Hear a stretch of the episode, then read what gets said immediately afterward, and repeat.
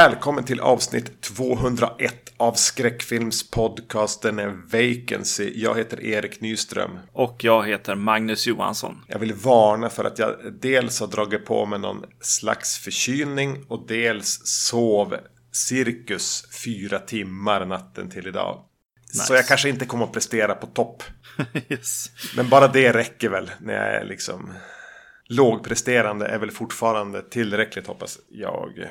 yes, yes. Alltid. Frankenstein ska vi prata om. Just det, precis. Universals eh, Frankenstein-filmer. Eh, det finns typ åtta eller någonting sånt. Vi pratar om tre. Alla deras eh, monster-franchises börjar ju korsbefrukta varandra. Och Abbott and Costello kommer in där på något hörn och ska också på något sätt träffa på Frankensteins monster. Mm. Eh, så exakt vad som hör till vilken serie är väl inte jättelätt att utröna. Jag tror att vi egentligen bara väljer att skippa typ Son of Frankenstein här. Mm. Nej! Nej. Precis, inte Son of Frankenstein. Nej, gud nej. Ghost of Frankenstein. Just det. Som är, du menar, mainline-grejer. Sen blir det så här mix, eh, eh, den och den möter. Ja, House of Frankenstein och de, ja, som sagt var korsbefruktningar. Men som, utan vi väljer att hålla oss här till eh, Frankenstein från 1931. Bride of Frankenstein från 1935 och Son of Frankenstein från 1939. Eh, man skulle väl egentligen kunna säga att många nog skulle hålla med om också att det är de två första man behöver se. Det är de som är klassikerna. Medan eh, Son of Frankenstein får bli den här lite parentesen. Mm. Och eh, vi, vi, vi, har pratat om det tidigare. Vi har, vi har pratat om Hammers Frankenstein. Vi gjorde den här eh, vad var det? Lady Frankenstein tidigare i år. Men vi har inte gått tillbaks till den första Frankenstein-filmen. Den klassisk, mest klassiska med Boris Karloff i den här ikoniska makeupen. Precis. Relation till de här, hade du någon? Eh, nej, alltså det är bara att man, man vet vad det är och eh, har sett mycket inspirerat av och även klipp Ja, alltså, det känns som jag sett klipp i skolan rent av, i gymnasiet. Med lite så här nudd på, på filmvetenskap som vi hade. Alltså det är ju svårt att undvika kanske. Mm. Jag, jag har sett Frankenstein tre, fyra gånger. Just eftersom jag hade min skräckfilmsarkeologiska period där typ 2003, 2004 och framåt. Mm. Eh, då, jag, då jag djupdök i de här eh, klassiska monsterfilmerna och även såg några av uppföljarna. Och sen såg jag garanterat om den med kommentarspår. Eh, och sen såg jag om just Frankenstein för bara ett par, tre år sedan. Och, och, och, och sen nu igen då. Mm. Ja, precis. Just det. Kommentarspår. Ja, ja precis. Jo, men man, man blir lite sugen på att bara se den ett varv till. Det var två kommentarspår och lite dokumentär och sånt där. Lite kontext i första Frankenstein-filmen är väl att Universal tidigare samma år hade släppt eh, Dracula med Bela Lugosi. Mm. Eh, och för en gångs skull hade de gjort en skräckfilm som vågade vara en skräckfilm. Framförallt sen talfilmen slog igenom. Den, den gjorde inte en, en, en gir mot slutet där allting visade sig vara ett deckarmysterium där någon skulle lura någon att det fanns vampyrer. Och den var heller inte en komedi utan den försökte skrämmas med övernaturliga skräckelement hela vägen igenom. Och den blev en jättesuccé. Mm. Och då hade de som tur var liksom redan Frankenstein i, i pipen. Mm. Och den blev väl kanske om möjligt en ännu större succé. Eh, vilken, vem skulle du säga är mer ikonisk? Boris Karloff som Frankensteins monster eller Bela Lugosi som eh, greve Dracula? Ja, precis. Där skulle jag nog säga spontant är det Boris Boris eh, Karloff är. Ja. Den är så väldigt ikonisk eh, looken liksom. Eh, absolut. Eh, på, på Dracula är det, är det andra som dyker upp i huvudet faktiskt. Ja, jo. Till och med Gary Oldman kanske.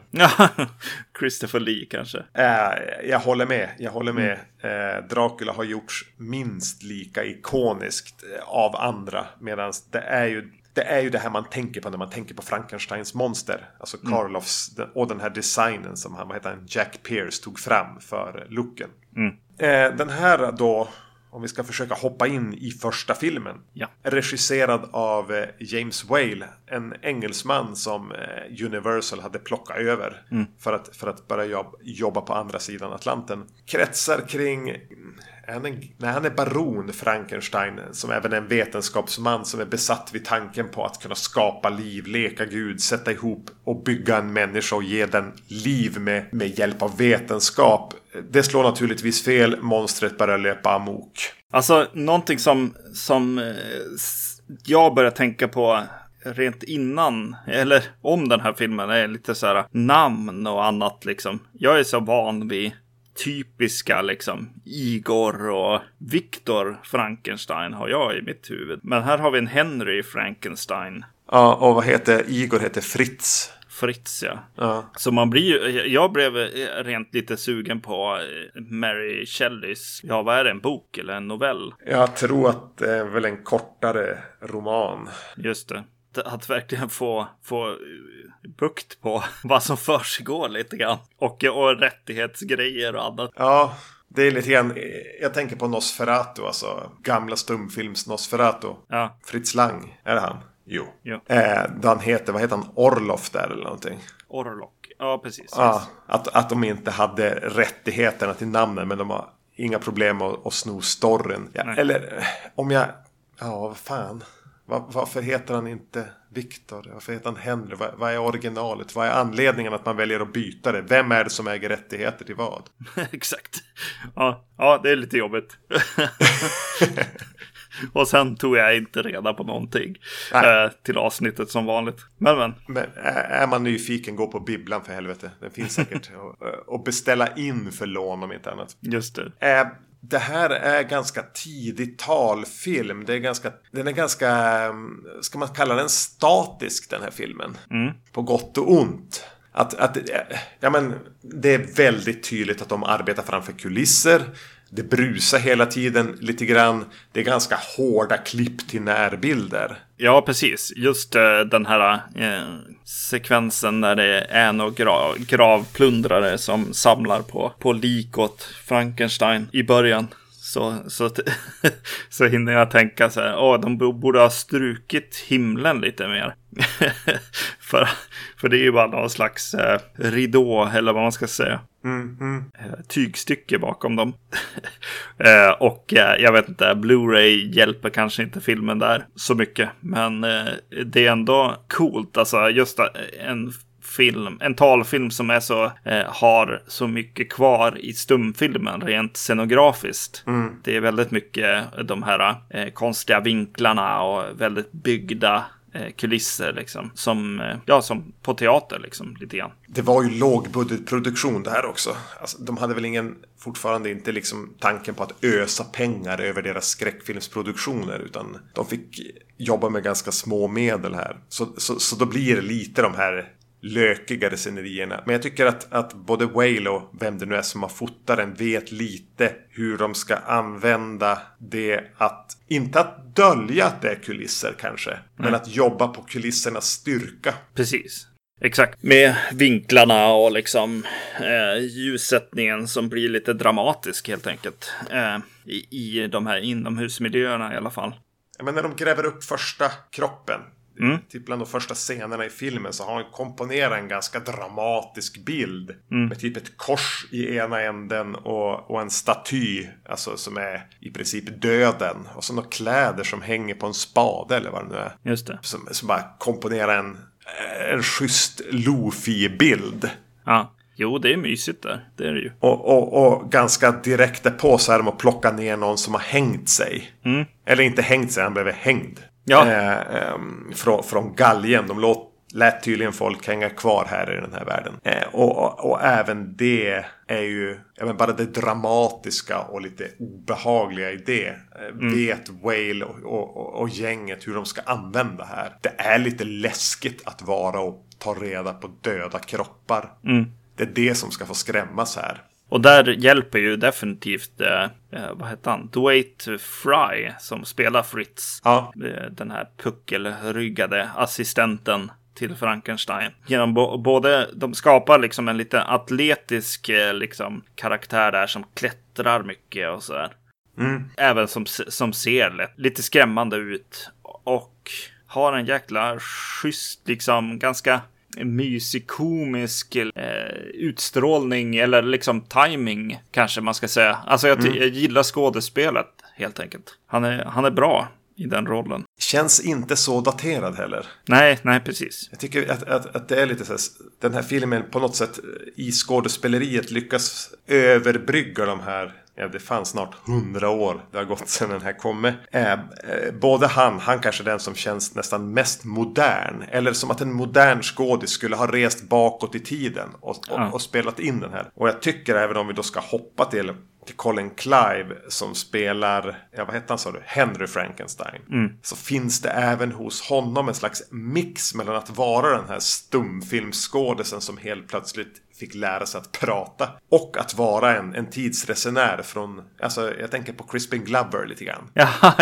ja man gör det. Ja, ja. Jo, precis. Eh, jag, jag har lite svårt för honom att, att han är så jag tror att det ligger något i personregin. Det känns som att han inte riktigt har koll på tonen liksom, utan eh, går från scen till scen och får ny regi. Det blir verkligen så här, ja, nu ska jag vara lite galen och nu ska jag vara helt helt normal snubbe, alltså Hollywood actor liksom, mm. eh, i dialogscener och sen kommer han på att just det, jag ska skrika några ord eller vara lite så här manisk och slår på det så att jag tycker han är lite ojämn. Jag får lite vibbarna av eh, liksom när Brando var som mest bara fuck it all i, i filmer kunde vara. och bara, bara det här handlar bara om mig och vad jag känner för i den här stunden att göra med den här scenen. Mm, mm. Om det sen blir en bra film och vad regissören möjligtvis må skrika åt mig eller vad det står i, i manus. Ah, jag är ju ett geni. Man får lite de vibbarna och som du säger det blir väldigt ojämnt. Men mm. eh, Colin Clive här som då spelar Henry Frankenstein var han var inte jättegammal, han var bara drygt 30 men han levde ju, ja, han, spelade, han är ju med i uppföljaren mm. eh, fyra år senare men dog kort därefter i sviten av långvarig alkoholism. Mm. Så man tänker att det är en ganska trasig man som stapplar runt här. Förmodligen i olika grader av berusning också. Mm. Vilket jag ändå tycker, just den här oberäkneligheten och den här, han ser ju ut som en stumfilmsskådis, han har den stumfilmsfrisyren. Mm. Det ger en, en slags nerv i att man inte riktigt vet vad som ska komma. Nej. Han har stora problem i vissa scener tycker jag. Eh, mm. Och där, där hjälper inte den här lite, som jag nämnde tidigare, att det känns lite grovt tillyxat. Alltså i, i, i klippen. Alltså när man ska gå in på en närbild så känns det som att han tittar Alltså inte riktigt dit man vill att han ska titta. Eller att han är fel placerad i närbilden. Att, att luften är på fel ställe på något vis. Mm. Framförallt i scenerna han har med sin fästmö så känns det bara konstigt. Mm. Eh, på ett sätt som, ja, det, det ger en nerv, det kanske ger en energi. Men det är ganska lätt att, att störa sig på också. Att det inte riktigt tar ihop som, en, som ett drama kanske därför. Nej som någon som inte liksom har sett den här innan så det går ju inte att undvika hur mycket den har eh, gett till filmhistorien. Alltså. Så allt, allt blir ju liksom eh, som att titta på Simpsons in reverse. Eh, ja. Som jag tror att du har pratat om någon, någon annan gång. Att så här, alla, alla liksom referenser dyker upp här igen på något sätt. Så det blir nästan återbesök av saker som man redan har sett definitivt. Och det hjälper ju kanske inte så här ostigheten i, i saken. Saker och ting. Alltså de här ut, alltså It's Alive grejerna till exempel. Liksom när, ja. när väl monstret här kommer till liv och, och, och hela den, den biten. Den blir ju liksom, ja det blir ju eh, Mel Brooks liksom. Ja, det är ju, den är för klassisk i det avseenden att de scenerna inte ska bli något annat än liksom ursprunget till parodierna eller referenserna. Nej, precis. Nej. Eh, och, och, och, det går ju så långt att jag börjar så här, börjar tänka på så här, men vad då kommer det där från Frankenstein? Alltså typ titeln till filmen Nothing But Trouble till exempel. Var så här bara, vänta, vänta nu, är det här Dan Aykroyd som har sett den här filmen? Got nothing but trouble. Nej, det blir väl kanske att jag tittar lite väl mycket på den biten. Ja, men så var det faktiskt för mig också vid den här titeln. Jag hade svårt när jag såg den och tänkte bara, ja, vad fan alltså, vad ska man säga om det här? Mm. Det här är ju lite grann som att se eh, stillbilderna från den. Jag vet att jag för typ tio år sedan, ja mer, lånade en bok på biblioteket som var typ eh, Universal film, Universal horror eller typ Hollywood horror from the 30s and 40s. En, I princip bara en bok med skitsnygga svartvita bilder från inspelningarna och från promotionbilder och sånt. Mm. Fantastisk coffee table-bok att bara sitta och bläddra i. Och alla filmerna känns ju tusen gånger bättre när man bara ser stillbilderna. att det här blev lite som att se dem. Ja. Fast de rör sig. Så jag bara, ja, är det här, är det här bra? ja, precis. Jag ja. vet inte. Nej. Men, men, jag, ska, jag ska få be att återkomma till det också lite senare. Jo, det händer ju grejer. Helt klart. Eh, på det spåret liksom. Ja, precis. Jo, och så söker man lite, lite så här efter just Frankensteins liksom känsla och vibba liksom. Vad, vad, vad är det den här historien liksom handlar om och så. Mm. För det är en liten sån historia känns det som. Jo, men den vill ju handla lite om då, som jag tänker är från Mary Shelleys roman om att ja, men, människan ska inte leka Gud och naturvetenskapen är inte allt. Nej. Men samtidigt så här, vem är det som skapar monstret här? Är det Henry Frankenstein? Mm. Eller är det typ Fritz här i hur han behandlar monstret? Är det när det möter omvärlden som det blir ett monster? Och, ja, ja, precis. Och det var där som jag fick lite eh, problem med det också. För att jag kände att att det kunde ha varit mycket mer spännande om det inte eh, kommer in den här scenen där de ska hitta en hjärna Mm. Den, den hade jag lite problem med. Jag bara, jaha, går de hit liksom? Eh, kändes ganska trist på något sätt. För de, de eh, Fritz här ska hämta en hjärna åt Frankenstein och går till någon slags eh, läkaruniversitet och mm. eh, titta lite grann på en föreläsning om eh, hur normala hjärnor och hur abnormala eh, hjärnor fungerar. Hjärnor från liksom mördare och hemska människor och eh, eh, vad som är skillnad mellan dem och helt vanligt folk så att säga. Mm. Då ska han ju ta den här normala hjärnan och eh, råkar tappa den och får ta med sig den abnormala hjärnan eller onormala hjärnan, eh, vilket tappar för mig liksom lite poänger. Ja, för det går inte riktigt ihop va? Alltså vill filmen säga att det är på grund av den här onormala hjärnan, alltså att det finns en slags biologisk kodad defekt i alla som begår våldsbrott och är onda. Ja, precis. Eller vill den äh, säga att det handlar om hur folk bemöter ett monster i hur det sen, eller inte ett monster men ja, den här varelsen i hur den sen bemöter dem. Ja. Det blir ju, alltså det blir ju inte ambivalent. Det blir ju bara oklart eller det går inte ihop. Nej, precis. Eller, eller håller den på att prata om liksom, eh, de som är onormala?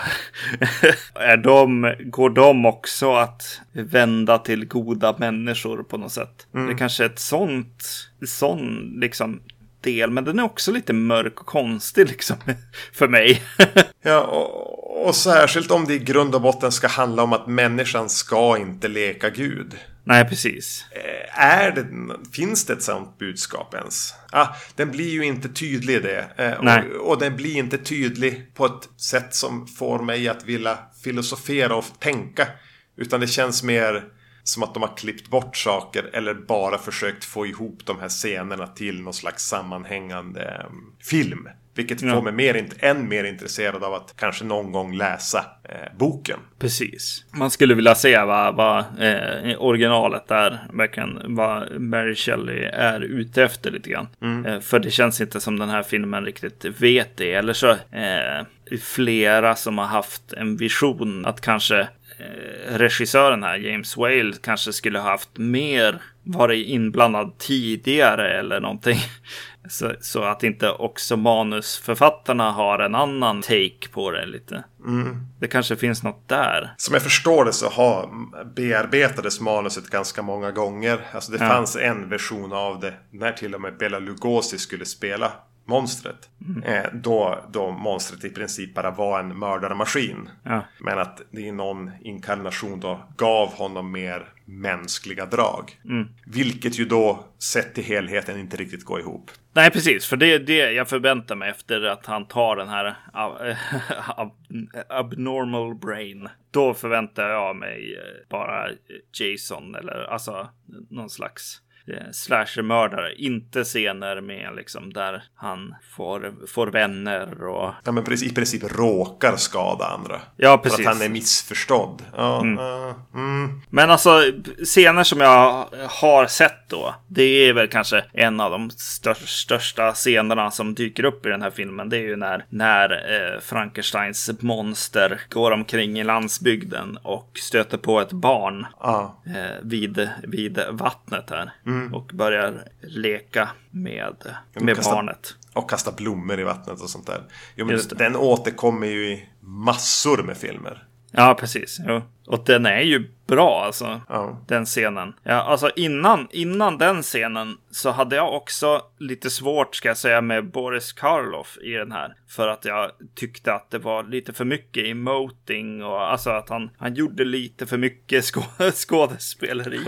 eh, I princip att eh, han hade lite för mycket och, och, och kunna röra munnen och annat. Så att jag blev, jag fick liksom så många signaler från honom att jag inte riktigt visste vart, vart jag hade Frankenstein. Eh, monster då. men, men här så börjar det ju så här. Det är det här det jobbas fram till känns det som. Mm. Med hans äh, agerande genom filmen. Nej, det är ju bra alltså, tycker jag. Och även scenen när, när pappan kommer med sin bär barnet i princip genom hela byn. Ja. Eh, nästan en enda tagning. Jätte ja, stark scen. Ja. Så vilket skådespel av den här stackars barnskådisen. Ja, precis. Och, och just att de går genom en festlighet också. Ja. Eh, det, det är en väldigt ja, men smart scen att sätta ihop. Och det, det är väl från där eh, som jag tycker att filmen vänder lite grann och eh, får, mig, får med mig mycket mer jakten på monstret här och monstrets liksom försök att förstå vem han är och mm. varför han är. Då funkar den mycket bättre för mig. Karloff är ju, jag tänker på det du sa att han, han kanske överarbetar den bitvis. Mm. Han var ju en ganska klassiskt skolad skådis. Det var ju ingen stuntman de tog in här. Nej. Och han hittar väl in i det också. Men det känns mycket som att han lever ganska på just maken och hur den har blivit ikonisk. Det är inte så att just Karloffs skådespel är det centrala. Att han gör monstret som ingen annan. Mm. Annat än med hur han ser ut. Eh, för även om eh, bortom makeupen så hade ju Boris Karloff ett ganska karaktäristiskt utseende som på något sätt var grunden för att kunna bygga på den här maken. Mm, absolut. Jag tycker väl egentligen att det är där hans största insats ligger. Det är i hur han ser ut. Ja. Eh, och hur det fungerar. Alltså det blir, det är inte bara skrämmande utan det finns även någonting lite ömmande man har ganska nära till att känna med det här monstret. Att tycka lite synd om hur vilse det är och vad det råkar göra och det, vad det inte vet att det gör. Och att det inte vet vad eller vem det är. Mm. Eh, ganska träffsäkert tycker jag. Looken i övrigt och alltså kläderna också. Att så här, det är vanliga grejer. Det är liksom en kostym i princip. Mm. Och att den är lite stor på han. Som gör att han både, han både är stor men han är också ett barn samtidigt. Ja. Eftersom att de gör överproportionerliga kläder åt honom. Det är smart look alltså, helt klart. Tänker att, att de pajade i senare filmer. Ja, jag, jag tänker att det händer saker med den, ja. Yes. um, känner du dig redo att gå vidare från? Uh, till Bride of Frankenstein mm. från eh, 35 då. Mm. Regi James Whale igen. Jag tror att jag får en känsla av att jag kommer få se, alltså innan jag, jag ser den, så känner jag så här, åh, nu kommer jag få se när de har jobbat in i det här. De vet mer vad de vill prata om och hur de vill, vad det är för karaktär monstret är och även Frankenstein. Så det här kommer bli nice, en nice uppföljare. Mm. Det kommer bli eh, de lite bättre uppföljare. Vad, vad, vad kan det vara? det som dyker upp i huvudet är Spiderman 2. Ja, Sam det, här, det här är Spiderman 2 alltså. Ja.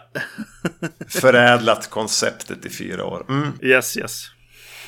och den är ju ansedd som minst lika bra som originalet. Här är storyn att eh, mon äh, monstret dog inte i väderkvarnen mm. utan det lever vidare. En, eh, vi presenteras för en till ond vetenskapsman. Till skillnad från, från Henry Frankenstein som kanske bara var naiv. Mm. Och eh, besattheten med att fortsätta konstruera liv, skapa liv från ingenting eh, fortlöper. Och de kommer fram till Henry och den nya vetenskapsmannen att, att Frankenstein behöver ju en kvinna.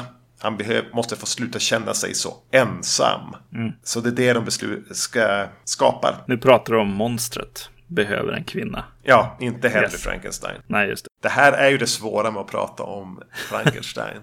yes, att, pop, att popkulturen på något sätt har förvandlat eh, monstret till Frankenstein. Ja, precis. Och det vet de i tredje filmen. Ja. kan vi ta då. Mm. Eh, ja, den här är ju intressant. Förra filmen öppnade med en, en varning egentligen. Det kommer fram en kar och berättar om att det här kommer nog att bli lite läskigt. Mm. Så se upp på något sätt. En liten eh, grej som de tydligen la till faktiskt. Efter att eh, folk hade sett den här filmen. Att ja, men det är nog bäst okay. att vi gör en liten introduktion. Så folk inte blir för skrämda. Och i den här så, så kopplar de lite tillbaka eh, på något sätt och skapar en, en förhistoria till filmen. Mm. Där eh, Mary Shelley är med och Lord Byron. Och eh, de pratar om, om hennes verk och Lord Byron är helt betagen av historien och vill veta mer. Det är ett litet roligt anslag i och med att vi, alltså det finns en historia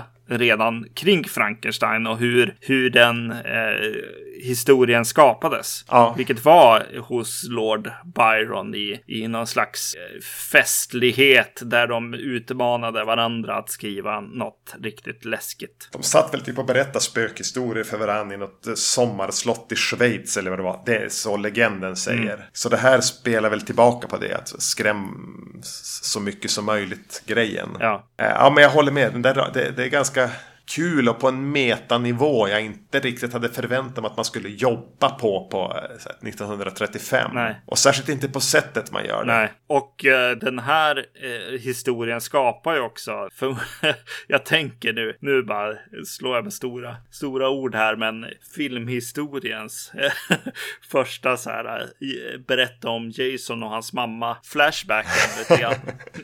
mm. det, det är just så här, oh, genom hur de pratar så kan vi se lite bilder från eh, första filmen som även liksom kanske läggs till lite i, eh, vilket jag tyckte var kul. Ja, jag upplever också att det är lite retcon-grejer här. Mm, precis, det är någon, någon, bild utifrån hans, eh, hans torn där mm. som inte är med i, i Frankenstein. Och jag tycker den här resumén är eh, jävligt snygg. Alltså den kokar verkligen ner vad original Frankenstein är mm. på ett schysst sätt. Yes. Så jag tycker den här ramen de, de, de sätter upp på väggen här att sen fylla med filmen är väldigt tilltalande. Mm. Eh, och just att de startar den där den slutade också direkt. Mm. Eh, och de har ju kastat om en del folk och så där. Så de presenterar om dem liksom eh, lite grann vilka de är. Mm. Eh, ibland, ibland lite, lite dåligt, precis som en fredag den 13 film. Eh, folk byter namn och sånt. det är den här pappan som har förlorat eh, sin dotter i första filmen heter Hans här. Och, och jag reagerade i förra filmen på, att, på hans namn för att kolla upp vilken skådespelaren var. Och det var ett helt annat. Mm. De kanske inte orkade helt hålla koll. Och han är ju väldigt annorlunda. Alltså hela... De har inte ens försökt kasta någon som är i samma har samma aura eller känns li lite likadan. Utan Nej, den är så otroligt skild. Vilket, ja men ska ni ändå göra om det så gör om ja, det. Ja precis, då. och det gör de ju med vad heter borgmästaren eller vad det nu heter här i. Mm. Att, att det blir, blir, en väldigt annorlunda karaktär med stora mustaschen. Och, eh, men eh, ja, Frankensteins monster överlever ju första filmen här och eh, jag kan ju inte låta bli att tänka på Michael Myers och hur han ofta så här råkar krypa ner i något hål och, och, och ändå överleva stora explosioner och eldsvådor och grejer. Mm. Lite kul på något sätt att, att eh, det, det eh, gör sig påmint här. Ja, han är, sättet han kommer, ja, men just det här bara vattenfyllt, någon liten håla, någonting har sprängts. Det kan sticka ner lite träbitar i det här. Ja. ja och han som bara stapplar vidare. Mm. Väldigt Michael Myers-ikt. Mm. Eh, det, det, det bara vill få in att man, man, man, upplever att, att det finns mer pengar här. Ja. Att kulisserna är lite mer påkostade. Det är lite mer visuellt finslipat. Den är lite säkrare i, i, i klipp och sina närbilder. Mm. Eh, lite tryggare händer. Mm. Någon, någon, skog som ser riktigt snygg ut till exempel. Som kameran rör sig på ett elegant sätt genom. Det är inte så tydligt bara ett, ett grått draperi i bakgrunden. Nej, precis. Mm. Men den bjuder även på en del otroligt irriterande karaktärer. ja. Är du med mig här? Ja. Eh, min först, det, det, är en, det är en kvinna som dröjer sig kvar vid den här nedbrunna kvarnen. Ja. Jag antar att hon ska vara comic relief. Och hon har någon koppling till, till Frankensteins liksom, vad ska man säga, hushåll. Ja. Men hennes bara, blotta uppsyn är liksom som naglar på svarta tavlan. Verkligen att det där var kul. ja. ja, nej. Eh, det blir, det blir lite jobbigt när hon dyker upp i scener. Helt klart. Och eh, det är väl kanske också för att hon representerar något som är lite så här gammalt. Ja. Som jag inte kände av i, i föregångaren. Nej, precis. Men lite såhär revyskådis känns det ja, som. kvinnor de bara klagar och gnäller och låter liksom. Hur geda mig. Ja, precis. Och hon får något sätt representera alla bybor. För så fort man får stifta närmare bekantskap med någon bybo i den här filmen så vill man bara slå dem på käften ja. och be dem gå därifrån. För att de är lite samma genre. De bara gnäller och ska framstå som roliga men känns lite mest bara så här Stefan och Krister-iga. Mm. Det här krockar ju lite grann med en notis som jag har skrivit faktiskt. Eh, och det är att eh, jag upplever samtidigt att den är skriven lite bättre. Alltså den är både eh, roligare och lite mer poetisk på något sätt. Jag vet inte om det är just att, att en massa författare sitter eh, runt en eld i början av, av filmen som gör att jag blir på, påmind om hur liksom eh, hur de pratar och att de verkligen kan, kan leka med ord orden lite grann i den här filmen. Ja, men det tänker jag att det är alltså att, att det har funnits mer tid med manus. Att det är ett mer utvecklat manus. Att den kanske någonstans är mer välskriven. Mm. Det är den nog. Ja, jag kände så i alla fall. Framförallt, alltså vissa, vissa liksom meningsutbyten uh, liksom, eller, eller kanske till och med monologer känns, uh, känns nästan poetiska och på ett ganska trivsamt sätt Både och får jag väl lov att säga. Ja, precis. Jo, men det är väl lite, lite både och, ja. Precis. Ja, ja, jag vet inte. Det är nog ordval och sånt där som jag eh, ville liksom känna på själv lite grann. Ett, ett, ett lite annat språk än vad jag är van vid. Mm. Och eh, Frankenstein, eh, alltså doktor Frankenstein, Baron Frankenstein här, har ju bestämt sig här utifrån vad han har varit med om. Blivit nedslängd av sitt, av monstret liksom för, för den här windmillen väderkvarnen känner att shit, ja det där var ju inte så bra att jag gjorde så där. Utan nu ska jag gifta mig och fokusera på familjen. Och det är då doktor, eh, vad heter han, Pretorius mm. dyker upp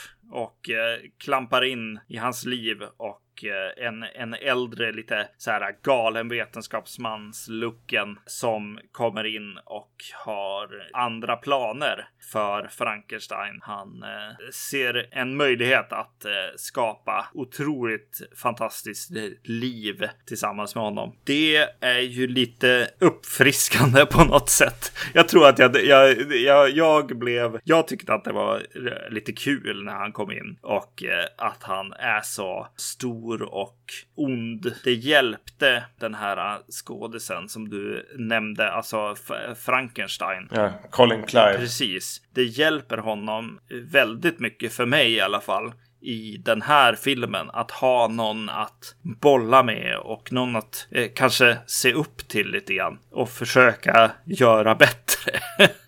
jag känner lite så. Och, och det är bättre att han har någon att bolla med bara. Lines, alltså att ha lite mer dialog helt enkelt i sina scener och då kunna vara lite mer, lite mer av sin egna, sin karaktär, lite så här eh, remorseful och average. Kanske vanlig Hollywood-personlighet på något sätt. Ja. Jag har ganska svårt för den här Pretorius-karaktären. Ja. Jag vet inte om det är det att han kommer dragandes med de här miniatyrmänniskorna så snabbt. ja, det var helt sjukt. ja, det var ju det nästan så att jag var osäker. Jag mindes inte så mycket. Jag har sett den här tidigare, mindes ingenting. Eh, annat än Elsa Lanchester. Han har lyckats skapa perfekta människor långt mycket bättre än, än Henry Frankensteins eh, ja, precis. zombier. Det är bara det att de är typ tre äpplen höga. De är typ smurfstorlek. Han har grott dem på något vis ja. Ja, ur frön. Det är ju, alltså det är ju bisarrt. Alltså, det, det håller ju inte. Man bara, vad, vad är det som händer? Ja, det är så lite när David Lynch har sina sämsta idéer. Ja, ja precis.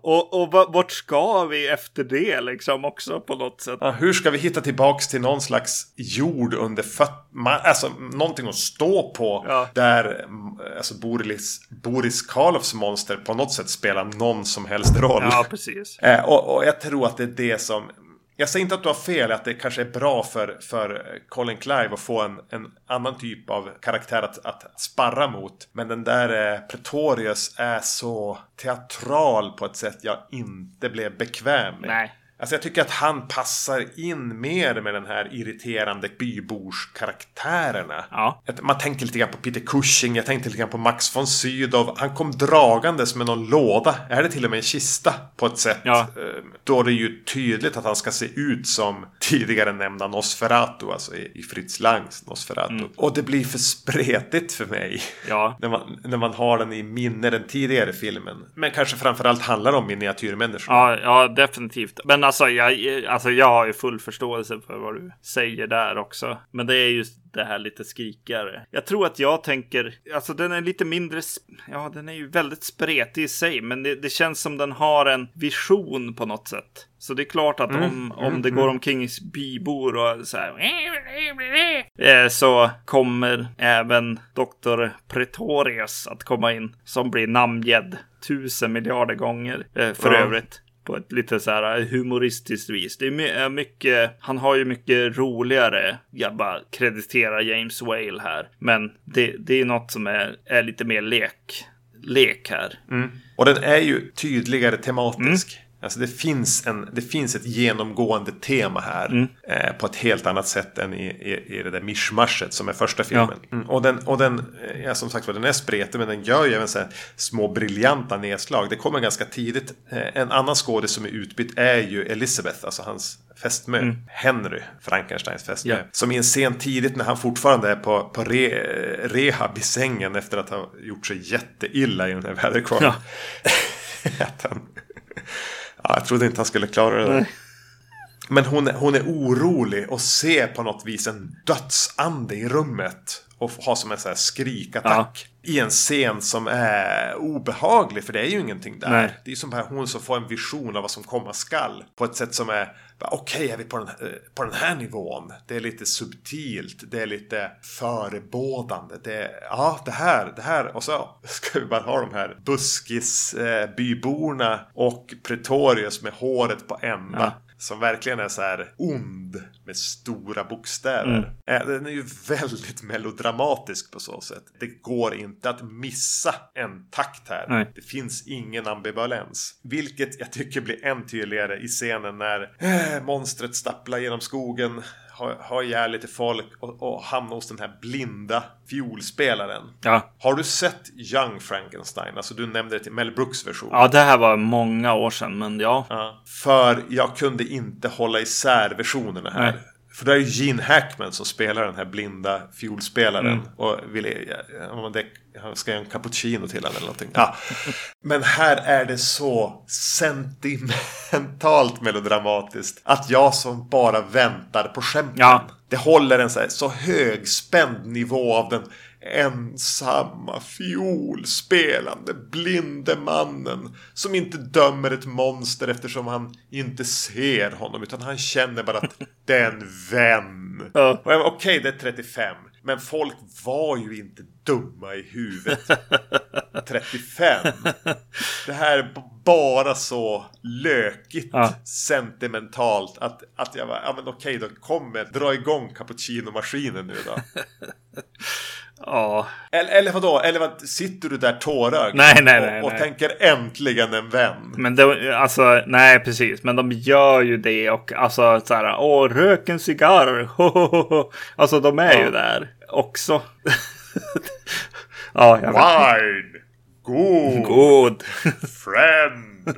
God! Alltså det, på något sätt så hade det kunnat vara vackert. Men här blir det så jävla stora penseldrag. Ja, precis. Ja, jag kände ju att jag såg på kom, alltså komedi. Alltså jag, jag tror att den försöker vara mycket roligare än vad du vad du kanske vill att den uh. ska, ska vilja vara.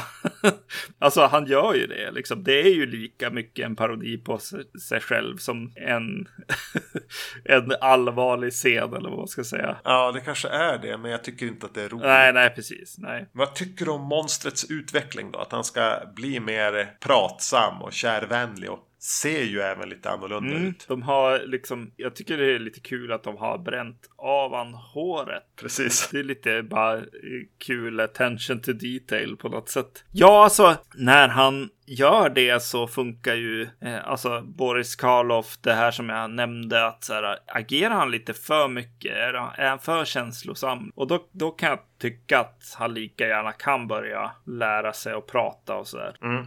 Ja, ja jag, har, jag har inga problem med det egentligen. Nej. Äh, nörd trivia är ju att eh, an, egentligen största anledningen att monstret ser annorlunda ut i ansiktet mm. är ju att Boris Karloff jag måste läsa lite grann om hans liksom, hälsostatus genom livet. Men han eh, hade ju typ inga tänder. Ja. Så när han skulle spela monstret i första filmen så tog han ut hela sin överkäke. För att då fick den den här naturligt insjunkna kinderna. Som är nästan det mest klassiska. Ja. Vilket saknas här. För här skulle han prata. Han kunde inte prata utan sin överkäke. Så satte han in den igen och därför är han fylligare i ansiktet. Ja, ja, ja. Ja, det finns någon scen, någon scen i, i Son of Frankenstein där, där jag reagerade på att kinden liksom nästan åkte, var rakt in i, i sidan på honom liksom. Mm. Just det. Ja, ja, det förklarar. förklarar det. Det var ju spännande trivia. Jag tycker ju att det är kul att se eh, den här eh, Fritz återkomma eh, som en annan karaktär. Han är Karl, en mördare i den här. Ja. Eh, och, och har egentligen samma uppgifter att få tag i, i lik och annat. Fast eh, är mycket eh, ondare i, i hur han införskaffar de här liken. Eller latare möjligtvis. ja, precis. Ja, jag gillar ju den här skådisen helt klart alltså. Han kan jag definitivt se mer saker med. Jag, jag, blir, jag blir liksom underhållen när han är med. Ja. Eh, och jag tycker om det där att så här, det, det, det är lite så här, de onda och så är det någon som är så här lite ångerfull som ändå drivs lite väl mycket åt, åt science liksom måste hitta lösningarna. Ja. Och eh, att, att de går bakom ryggen på honom och, och mördar folk och sådär. Jag, jag, jag gillar det helt enkelt. Jag är med i filmen helt enkelt, även om, om det är detaljer. Jag är inte så jävla med i den, alltså efter ramhistorien så är den för mig lite av en urspårning till stor del. Den har eh, små fläckar av bra saker. Mm. Men för mig är ju huvudanledningen att se den, och det här vet jag inte riktigt hur objektivt det är. Det är ju Elsa Lanchester. Hon spelar först eh, Mary Shelley i den här ramhistorien. Mm. Och sen är hon även The Bride of Frankenstein som de bygger i slutet. Ja. Eh, och jag tycker att hon är fruktansvärt charmig. Mm. Det är bara någonting med hur så här, lite skevt brittisk och även snygg hon blir nästan kanske framförallt i innan hon blir The Bride. Mm. Lite småförälskade Elsa Lanchester anno 1935. ja. eh, det är väl det som jag gillar med den mest. Och jag tycker ändå att när, även om, om The Bride med den här Marge Simpson-frisyren när hon kommer ut där, eh, så faller den tillbaka lite grann i det här hackiga eh, förvirrade klippning och fotot när hon bara stapplar runt där i sin vita typ lakan. Mm. Hur, den, hur den fotar henne och, och eh, det känns förvirrat och hon bara väser. Man tydligen var inspirationskällan eh, typ att hon skulle bete sig som en uppretad svan eller någonting. Okej. Okay. Ja, just det. Då tycker jag det är lite mysigt igen. Ja, men det här är lite ikoniskt. Det här, det här, det här är som eh, bevaransvärt för eftervärlden ändå. Ja, ja, jo. Eh, hon är ju precis som, som monstret eh, ikonisk, helt klart. Men också eh, så, så är ju, kan jag tycka, punchlinen i filmen trevlig, liksom. Mysryslig. Nej, jag, jag ja, jo, jo, jo, jo, ja, men det... Punchlinen är det inget fel på. Jag hade störst problem med resan dit där jag inte kunde vibrera på, på rätt våglängd vad gällde ton. Nej, precis. Just det. För den blev irriterande eller ja, åt olika håll när den kanske skulle vara rolig. Eller en självparodi. Ja. Men... Eh... Nej, precis. Just det. Jag förstår vad du, vad du menar absolut. Snyggaste eller roligast hade jag nog när de höll på med en operationsscen och skulle få liv i, i den här bruden. Eh, och de körde så här Dutch angles. Ja. Eh, så väldigt mycket.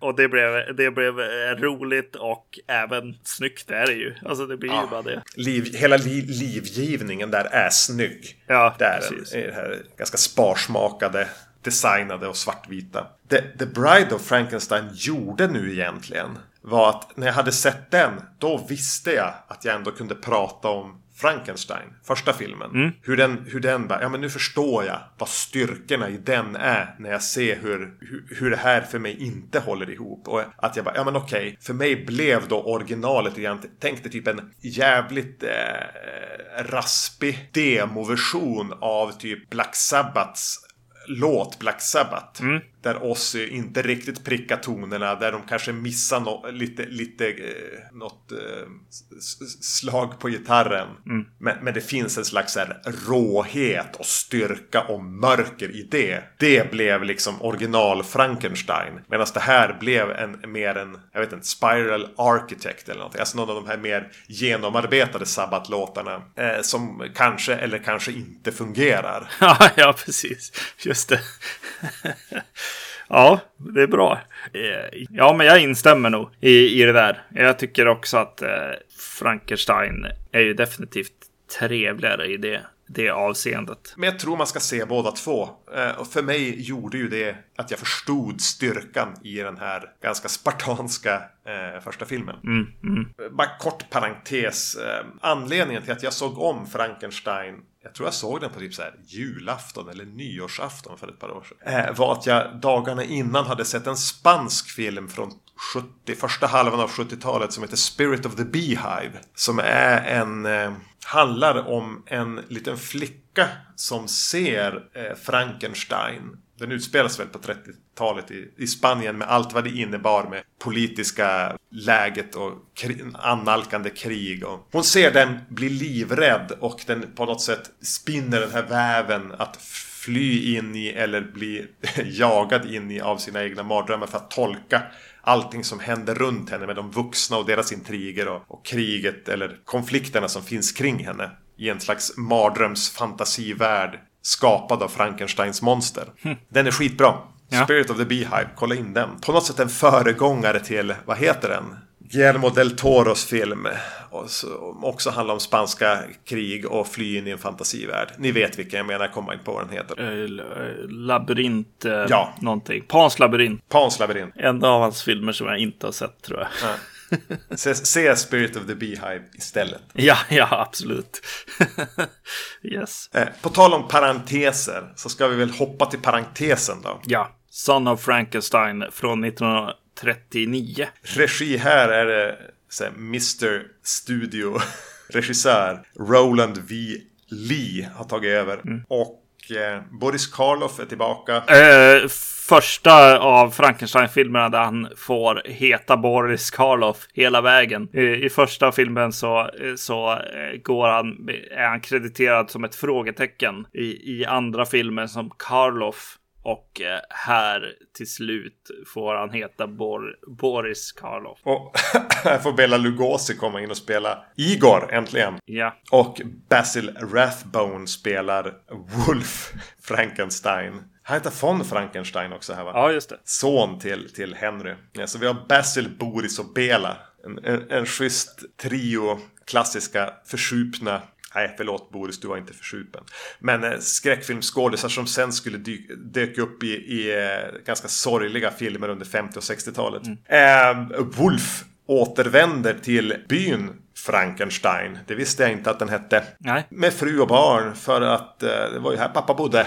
Nu är det dags att komma dit. Han är uppvuxen i England men har bott i USA. Och naturligtvis när han är där så börjar han rota runt i pappas gamla eh, experiment och det visar sig ju såklart att monstret fortfarande lever. Den här hade jag också sett tidigare och eh, hade ganska positiva minnen av. Eh, och framförallt av de första 20-25 minuterna. Mm. Och de är väldigt fläskiga. Alltså det är så full on Universal Horror Orkester. Eh, scenerierna här har väl betydligt högre budget än de två tidigare filmerna tillsammans. Mm. Och det är så här mörka förebådanden. Man pratar om det onda som hände. Och man anar ganska snabbt att, att Wolf här kommer att vara nyfiken och fortsätta sin pappas arbete. Det åskar och spöregnar och byborna är jättearga. Och Bela Lugosi dyker upp som en, en hängd man mm. med skägg som bara väser. Och det är en ganska ganska lång sekvens som bara får vara liksom sätter någon slags ton. Ja.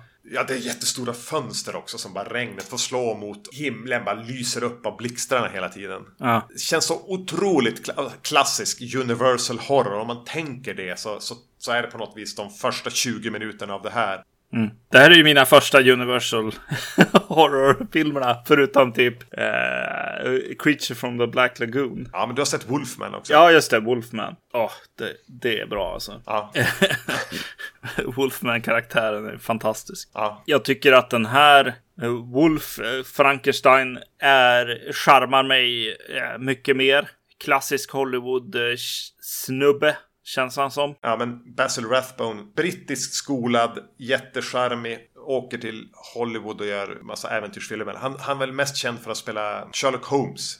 Massor med Sherlock Holmes-filmer. Och det förstår du ju nu när du ja. tänker tillbaka på den. Att såklart. Jo, såklart. Ja, och så, och så just eh, precis det du pratar om, alltså hur, hans färd in i det här och eh, byborna har ett litet råd innan att så här, ja ah, shit, vad ska vi göra nu då? Frankenstein son kommer hit. Eh, hur ska vi behandla honom? Så bara, ja, ah, vi behandlar honom som skit. Ja, det gör vi.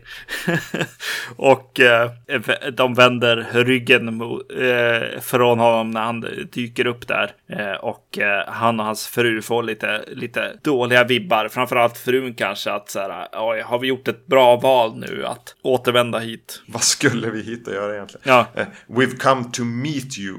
Not greet you. Just det, exakt. Och eh, den här sheriffen, eller vad man ska säga, kallar han. Polisinspektören har jag kallat han i mina anteckningar. Just det, eh, som, som kommer dit och, eh, och eh, Frankenstein försöker ju liksom försvara sin, sin far där lite grann. Att så här, ja men han var ju bara en scientist och, och det blev lite fel såklart. Det, det blev så här den onormala hjärnan som eh, annars skulle nog kanske ha gått lite bättre och sådär. Och så kommer polisen och, och berättar om hur han har blivit, hans arm har blivit avsliten av, av monstret eh, som barn. Eh, mm. det är, eh, det är lite, lite dålig stämning tillfället. Och han är väldigt noga med att vifta med den här typ robotarmen han har hela tiden. Han använder den så här onödigt mycket till saker för att vara helt värdelös. Ja. Han rycker för han ska, han ska lägga bak den på ryggen och han ska fram med den och han sätter typ så här dartpilar i den och han håller i typ cigaretten i den och så den ska så meckas fram och tillbaka. Det blir lite, vad heter den? Eh, Dr. Strangelove. Just det. och det är ju någonting med den här. Den utspelas ju typ då den är inspelad. De hoppar ganska långt fram i tiden här. Ja. Alltså de kör ju bilar och grejer. Att den är inspelad 39. Och så har vi en massa tyska snutar i stövlar. Mm. Alltså att det är, det är, svårt att inte göra de här nazikopplingarna. Nej. Och så har vi eh, den här eh, lätt förbittrade men ändå reko polisinspektören med monokel. Som som skapar dålig stämning. Precis. Ja, eh, Wolf Frankenstein driver ju med han direkt han är där i officiella liksom, sammanhang. Då blir, då blir det ju lite så här eh, Gestapo-vinkningar liksom. Ja. Hur många gånger kommer polisinspektören hem till, till paret Frankenstein? Ja, han bor ju där i, i princip.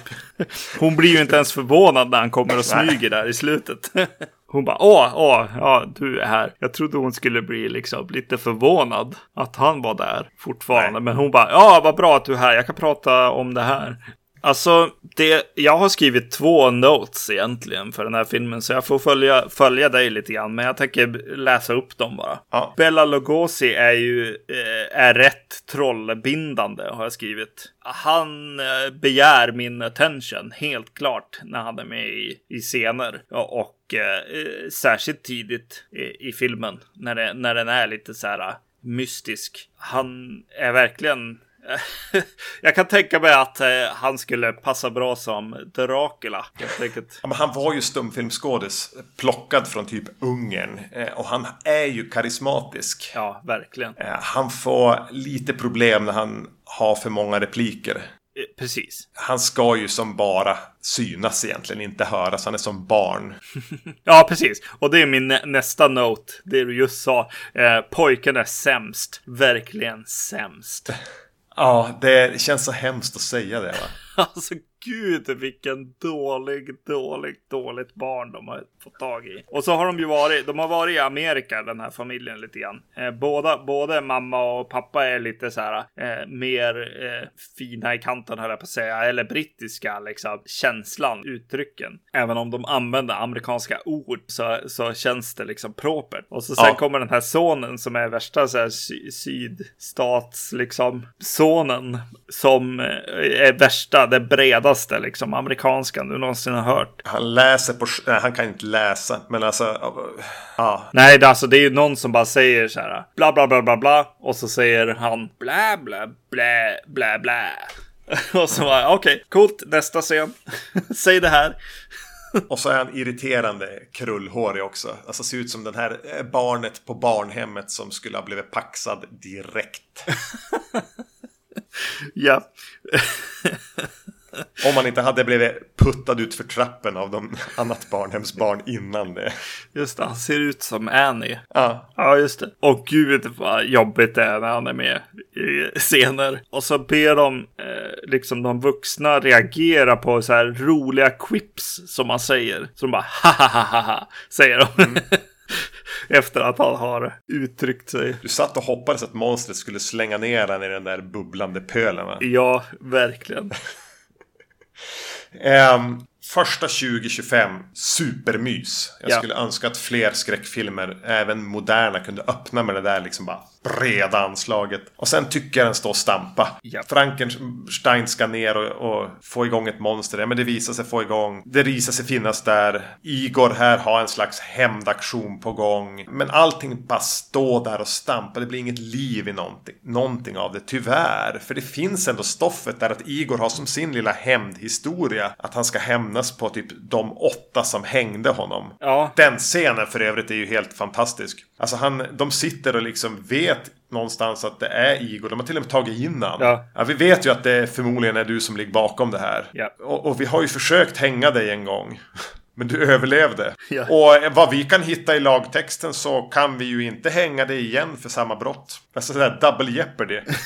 har, har du redan blivit dömd och hängd för ett brott och överlevt så kan du inte bli hängd igen för det. Hur skyldig du än var. Överlever du en hängning Ja men då var det så. Ja, då får precis. du leva. Jo precis. Just att han var.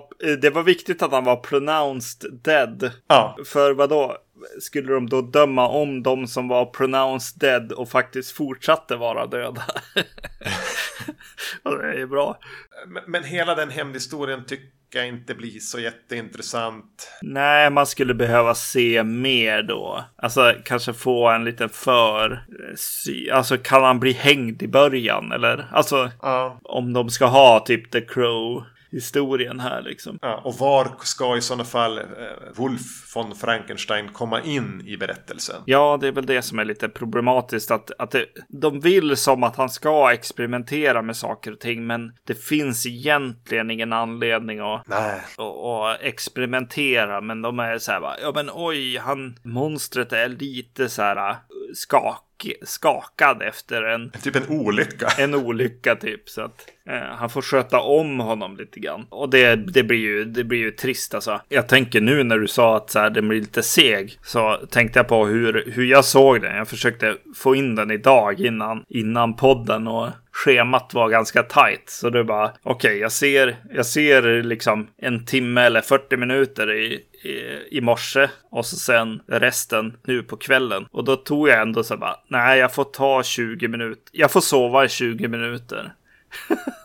I mitten, för jag höll på att somna. Ja, den får problem. Ja. För den har inte så mycket att komma med efter det. Och jag, jag tror att, att eh, hade man kunnat ge Wolf här en, en anledning att vara i filmen. Mm. Så han är redan i typ första scenen där han presenteras så är han som redan där och vill försvara sin pappas verk och är lite nyfiken på det. Och han håller den tonen genom hela filmen, även in i eftertexterna. Mm. Så, så händer ju ingenting med våran huvudkaraktär. Nej. Här, med tanke på hur statisk den är, så hade väl han behövt få göra en resa kanske. Ångra sig, börja på ett ställe, komma till en punkt och komma vidare på något sätt. Men men nej. Just det. det uh, precis, det man skulle kunna göra är helt enkelt att stryka en Frankenstein i Frankenstein-filmen här.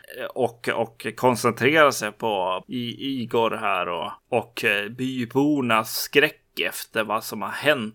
Ja, du kanske monstret. skulle skippa, skippa monstret här alltså. Skippa Karloff. Ja, kanske. Han ville ju ändå inte göra det här längre. Nej, just det. Ja, jag, nej, jag tänkte mer på alltså baronen. ja, nej, jag, jag, skulle nog hellre stryka monstret. Just det. Mm. Skapa någon dynamik där med att det kanske är... Äh, ja, jag vet inte. Och, och, och, här kommer vi väl in på det vi nämnde tidigare. Att han i första filmen har den här säckiga kostymen. Mm. Här har han typ en fårskinnsväst. Eller typ ett, en poncho Kanske man snarare skulle säga. på det här? Ja, tydligen kallt eller någonting. Ja, jag fattar ingenting. Jag, jag blev så otroligt irriterad. och då skapar de så här sekvenser där de verkligen så här presenterar mo eh, monstret och det får liksom hänga och komma upp ur, vad det, ur ett hål i marken och verkligen så här. Här är det monstret. Och så, så har den den här konstiga kläderna på sig. Ser ut som en fåraherde typ. Ja, var, varför är det en fåraherde? Fåraherde från Bulgarien eller Azerbajdzjan som är monstret. Ja, ja det var, var ju synd, verkligen. Mm. Eh, Hen Henry för övrigt, alltså det är ju för att det är ett smeknamn I guess, men han heter Henry. Henrich Frankenstein på sin grav. Ja. Men det är klart att Henry är väl ett, en förkortning av det. Men det är lite roligt hur, hur folks namn byts hela tiden. I Igor, jag vet inte, Ygor stod det i liksom ja, subtitles med Y. Men eh, han spelar väl egentligen den här Carl som är mördaren i, i Bride of Frankenstein tänker jag. Eh, alltså just att, att han har en bakgrund som otrevlig eh, kar som skaffar lik på ett o ohederligt sätt. Skrupelfri kar. Ja, precis. För han har ju aldrig haft en Igor Frankenstein. Och det är inte jättevanligt med Igors i Preussen eller var, var, den här nu ska utspelas. Alltså, det är inget tyskt namn direkt. Men det är väl bra att man har Bela där som får, får vara någon slags uh, ungrare i exil. Ja. Jag tycker att den avslutar med en schysst bild ändå på monstret i den här eldpölen. Ja, precis. Jo, men uh, exakt. Oväntat snygg. Det är ju alltså, jag bara tänkte på Terminator 2. Ja. Uh, absolut att så här, här är, här är ju, det är ju en referens rakt, alltså det måste vara. till den här filmen. Nej, jag vet inte. Men den är snygg. Ja, eh, absolut. Alltså överlag, alltså slutet på alla de här tre filmerna är, är i ögonfallande. Både den här eh, kvarnen som brinner liksom. Mm. Fantastisk bild och även eh, så är det en, ett torn som eh, exploderar i andra filmen. Mm. Jävligt snyggt ändå. Alltså för jag tänker att det ska vara miniatyrer.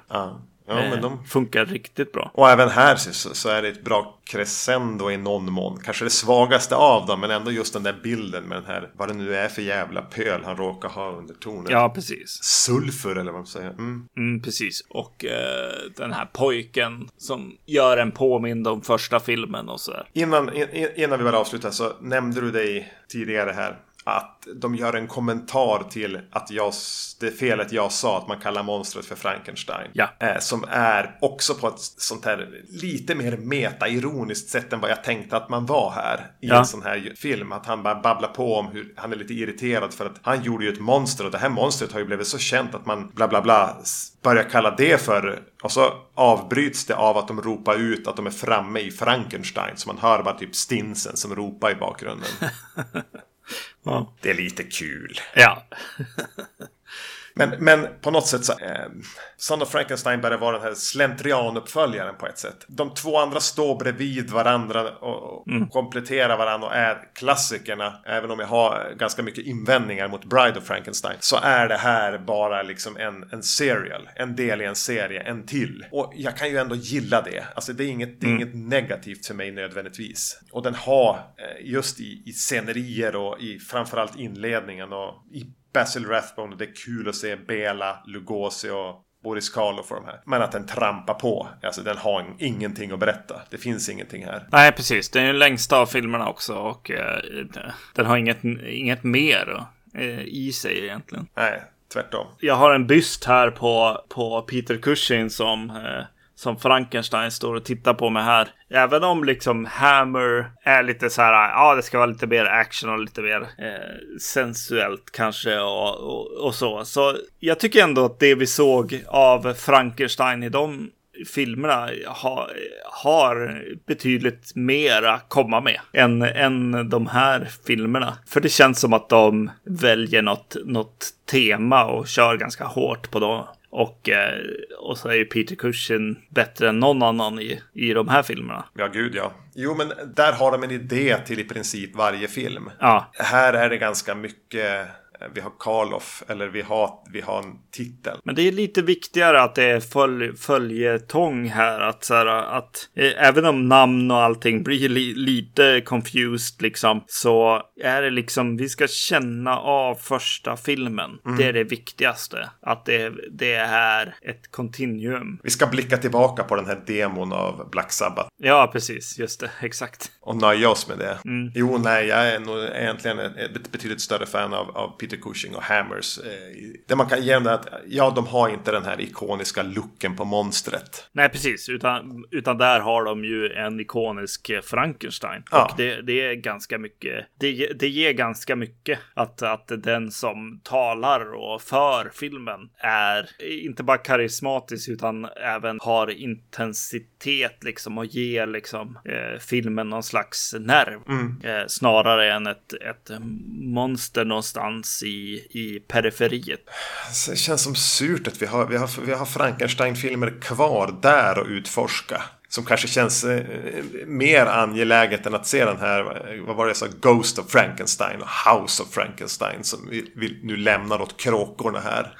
ja, yes. Jag vill hellre eh, tillbaka till Peter Cushing. Mm. Absolut. Ja men känns ändå på något sätt eh, lite som att vi har bockat av någonting och, och, och, och tätat till i någonting i grunden på det här bygget som är våran podd. Att, att ja, prata om de här filmerna. Särskilt med tanke på att vi har varit inne på Frankenstein så många gånger tidigare. Och det, det, det finns några ikoniska scener, framförallt i första filmen, som är jättestarka. Och eh, sen är ju monstret fantastiskt. T-shirt, eh, poster, alltså vad som helst kan jag lätt ha på mig eller mm. äga. Det är, eh, det är en häftig skapelse helt klart. Du får skaffa en Karloff-byst och ställa bredvid Peter Cushing Frankenstein-bysten där. Just det, precis.